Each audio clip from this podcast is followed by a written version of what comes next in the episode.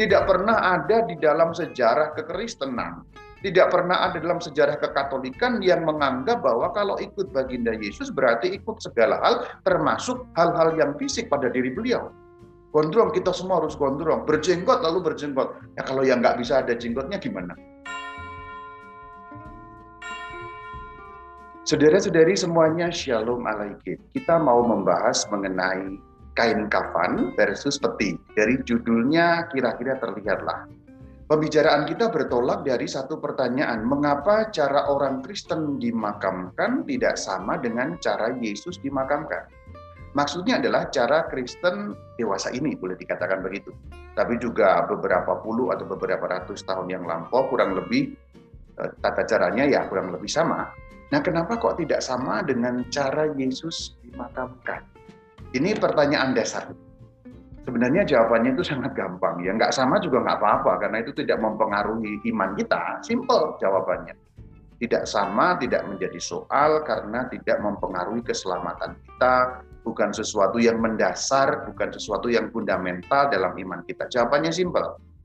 Tetapi saya mau mengajak untuk melihat lebih besar dan juga mengupas lapisan-lapisan bawang bertolak dari pertanyaan ini. Yang sungguh simpel jawabannya, namun untuk beberapa orang tidak simpel juga karena ini bisa menggoyahkan iman juga ketika ditanya, Tuhanmu kan dimakamkan begitu kok kamu nggak sama. Nah ini bisa-bisa juga membuat orang kebingungan ketika tidak memiliki dasar-dasar yang cukup. Maka saya mau memberikan kepada Anda dasar-dasar yang memadai sekaligus memperluas pertanyaan ini supaya kita memiliki perluasan horizon. Sebagaimana kalau Anda mengikuti sadar kaget sejak dari awal sampai pada episode yang ke-90 ini, saya selalu mengajak untuk memperluas horizon yang kita punya. Yang pertama kita mau lihat cara Yesus dimakamkan. Ya kurang lebih seperti yang ada dalam gambar yang Anda lihat ini ya.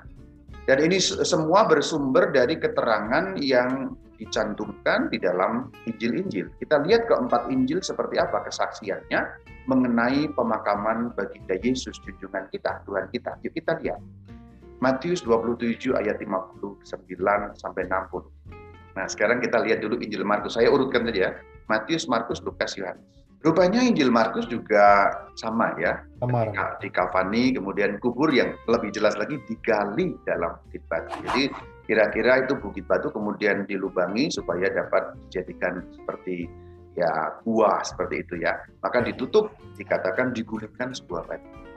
Apa kata Lukas? Ayo Win, Lukas 23 ayat 53. Apa kata Injil Yohanes pada Yohanes 19 ayat yang ke-40? Jadi semua Injil sepakat rupanya ya Ya. Artinya Tuhan kita Yesus Kristus itu dimakamkan dengan cara ya disembunyi dikafani dengan kain kafan kemudian pada sebuah batu. Ini kan junjungan kita, Tuhan kita. Nah sekarang cara kita, cara yang umum sekarang kita lakukan itu seperti apa? Ya ternyata dengan peti, malah dengan pakaian berbeda ya ternyata ya. Caranya berbeda ya. Nah kemudian kita juga umumnya kan dikuburkan dikebumikan dalam arti di diuruk di tanah ya seperti makam yang saya foto ini ya. Ini makam Keuskupan Bandung yang ada di daerah Banjaran yang namanya itu Astana Mawar Asih. Jadi Keuskupan Bandung itu punya kuburan di bagian selatan, di pegunungan selatan, di Bandung Selatan. Bagus sekali kuburannya. Nah, kembali ke soal ini ya. Tuhan Yesus tadi kita sudah lihat seperti itu, cara orang Kristen kebanyakan kita yang Katolik seperti itu kok tidak sama. Nah ini kan persoalan. Nah kembali ke soal awal, mengapa cara orang Kristen dimakamkan tidak sama dengan cara baginda Yesus dimakamkan? Ini kan persoalan. Padahal bukan persoalan seperti saya sudah bilang di bagian depan. Karena pertanyaan ini muncul dari asumsi dan pola pikir yang meleset. Yaitu bahwa menganggap ikut Yesus adalah ikut segala hal termasuk yang fisik. Apakah demikian kalau kita ikut Yesus, Kevin? Tidak sepenuhnya ya, Rama. Apakah berarti ikut ikut yang fisik? Yesus gondrong, kita gondrong gitu? Iya, Yesus senang makan ikan, kita senang makan ikan. Apakah seperti itu? Apakah lalu meniru potongan rambutnya kayak apa, pakaiannya kayak apa? Kan nggak seperti itu. Iya, Rama. Bahkan sebenarnya sejak awal mula adanya gereja di dunia ini yang diawali dari para rasul, para rasul pun tidak pernah punya pemikiran maaf sebodoh itu maaf, sebodoh itu tidak pernah. Tidak pernah ada di dalam sejarah kekristenan, tidak pernah ada dalam sejarah kekatolikan yang menganggap bahwa kalau ikut baginda Yesus berarti ikut segala hal termasuk hal-hal yang fisik pada diri beliau. Gondrong, kita semua harus gondrong. Berjenggot lalu berjenggot. Ya kalau yang nggak bisa ada jenggotnya gimana? Jadi sebenarnya di dalam sejarah sejak awal mula dalam kekristenan tidak pernah ada pandangan maaf sebodoh itu yang menganggap menirukan yang fisik dari baginda Yesus adalah sesuatu yang integral dalam iman. Tidak pernah ada. Artinya apa? Rasul-rasul yang awal yang hidupnya sangat sederhana pun tidak pernah berpikir seperti itu. Itu hebatnya loh. Jadi rupanya rasul-rasul yang orangnya sederhana, misalnya Rasul Petrus sebagai orang nelayan, Rasul Andreas sebagai orang nelayan, yang simpel-simpel hidupnya sehari-hari pun tidak pernah berpikir secemen itu. Dan saya merasa bangga dengan itu. Merasa bangga dalam arti rupanya leluhur-leluhur iman kita sejak akar-akarnya, sejak landasannya, sejak awal mulanya gereja perdana tidak pernah punya pemikiran yang sungguh-sungguh nggak mutu Nggak pernah. Gitu.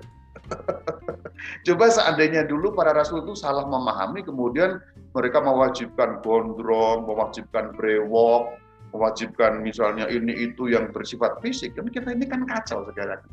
Nah itu ya. Nah ini kalau kita menilai dari awal ternyata begitu. Maka sebenarnya pemikiran, asumsi, pola pikir yang seperti ini salah di dalam kekristenan. Tidak pernah punya tempat sejak dari awal. Kenapa salah? Saya mau memberikan tiga contoh yang menyanggah pola pikir asumsi yang meleset itu, yaitu tiga contoh yang saya dapatkan dari para rasul sendiri. Para rasul sudah punya tiga contoh yang menyangkal bahwa ikut Yesus harus termasuk yang fisik. Yuk kita lihat contoh yang tiga itu apa. Yang pertama sunnah, yang kedua hukum Musa, yang ketiga Alkitab Perjanjian Baru yang ditulis oleh para rasul dan atau murid-murid rasul. Yuk kita lihat yang pertama mengenai sunat. Jadi baginda Yesus sunat, tetapi orang-orang Kristen non-Yahudi tidak sunat. Terutama kalau kita lihat di dalam Alkitab sendiri, referensinya kalau Anda mau lihat yaitu kisah Rasul 15 ayat 1 sampai 29. Artinya apa? Sejak awal para rasul tidak pernah menganggap kesesuaian soal fisik ini sesuatu yang masalah. Tidak pernah menjadi masalah. Anda nanti baca saja kisah Rasul itu yang sudah ditunjuk. Nomor dua hukum Musa. Hukum Musa kan itu hukum Taurat dan rangkaian-rangkaian yang diturunkan dari kitab-kitab Taurat yang ada 600 sekian hukum itu. Dan ternyata kalau kita melihat dalam nas yang sama dalam kisah para rasul itu juga tidak harus menjalankan. Salah satu contohnya, Yesus tidak makan babi. Tapi orang Kristen non-Yahudi kan makan babi. Kevin makan babi apa enggak? Makan Rama, puji Tuhan. Puji Tuhan, kok pakai puji Tuhan ya? Enak soalnya Rama. Enak ya. Baginda Yesus tidak makan babi loh, Bin. Iya. Kenapa kamu makan? Karena kamu kan Kristen non-Yahudi kan? Betul. Nah itu dia.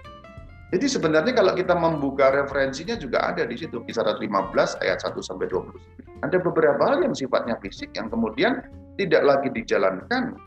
Dan bagian ini saya sudah membahas. Nanti kalau Anda mau klik di channel YouTube Katkit ada di sini. Yesus tidak makan babi ya. Katkit Yesus tidak makan babi muncul langsung. Anda penjelasan yang panjang lebarnya sudah ada di sana. Ini contoh yang kedua. Contoh yang ketiga adalah Alkitab Perjanjian Baru sendiri. Aku mau tanya padamu. Alkitab Perjanjian Baru ditulis dalam bahasa apa, Bin? Bahasa Yunani, Ram. Bahasa Yunani. Sedangkan pada saat junjungan kita, Tuhan Yesus berbicara dengan para rasul, berbicara ketika mengajar orang, berbicara dengan mamanya Bunda Maria, menggunakan bahasa apa, Kevin? Aram. Sama atau berbeda Aram dan Yunani? Berbeda Aram. Nah, lihat.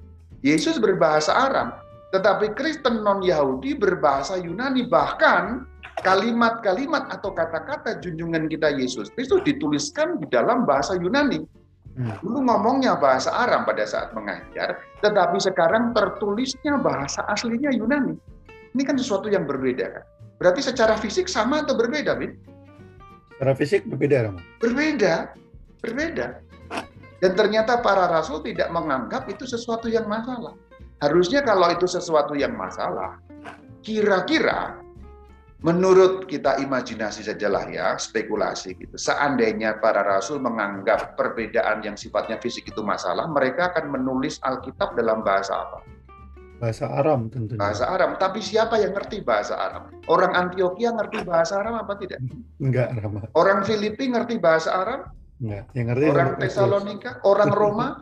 Enggak. Tidak ada yang ngerti. Jadi artinya dari tiga contoh ini kita sudah lihat. Contohnya sudah pernah kita bahas juga dalam dalam sedar katkit ya. Matius 6 ayat 9 sampai 13. Ini satu contoh kecil padahal seluruh perjanjian baru sebenarnya ya. Doa Bapa kami itu pada waktu diajarkan diucapkan dalam bahasa apa ya Fit? Bahasa Aram dong. Ya tentulah bahasa Arab. Ya. Tapi tersimpan bagi kita sekarang dalam bahasa apa? Yunani. Yunani. Ya. Berarti berbeda secara fisik ya. Hmm. Ah, itu dia tiga contoh, yaitu sunat, hukum Musa, Alkitab Perjanjian Baru.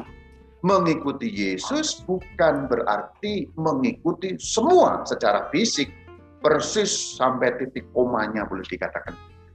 Berarti para rasul sudah punya kesadaran yang begitu maka tidak punya masalah dengan perbedaan fisik seperti itu. Jadi mengapa orang Kristen dimakamkan tidak sama dengan Yesus dimakamkan? Emangnya kenapa? Tidak ada masalah. Karena itu hanya soal perbedaan-perbedaan yang sifatnya fisik saja. Tidak menyangkut inti apa yang yang pokok di dalam iman Kristen itu sendiri. Ini mengembangkan pola pikir. Jadi sebenarnya dari soal pemakaman, itu saya mengajak untuk melihat yang lebih luas, bagaimana Alkitab ditulis dalam bahasa Yunani, padahal baginda Tuhan kita ngomong dalam bahasa Arab. Ini horizonnya menjadi lebih luas lagi. Kenapa kok seperti ini? Karena Tuhan kita Yesus Kristus terikat dalam konteks.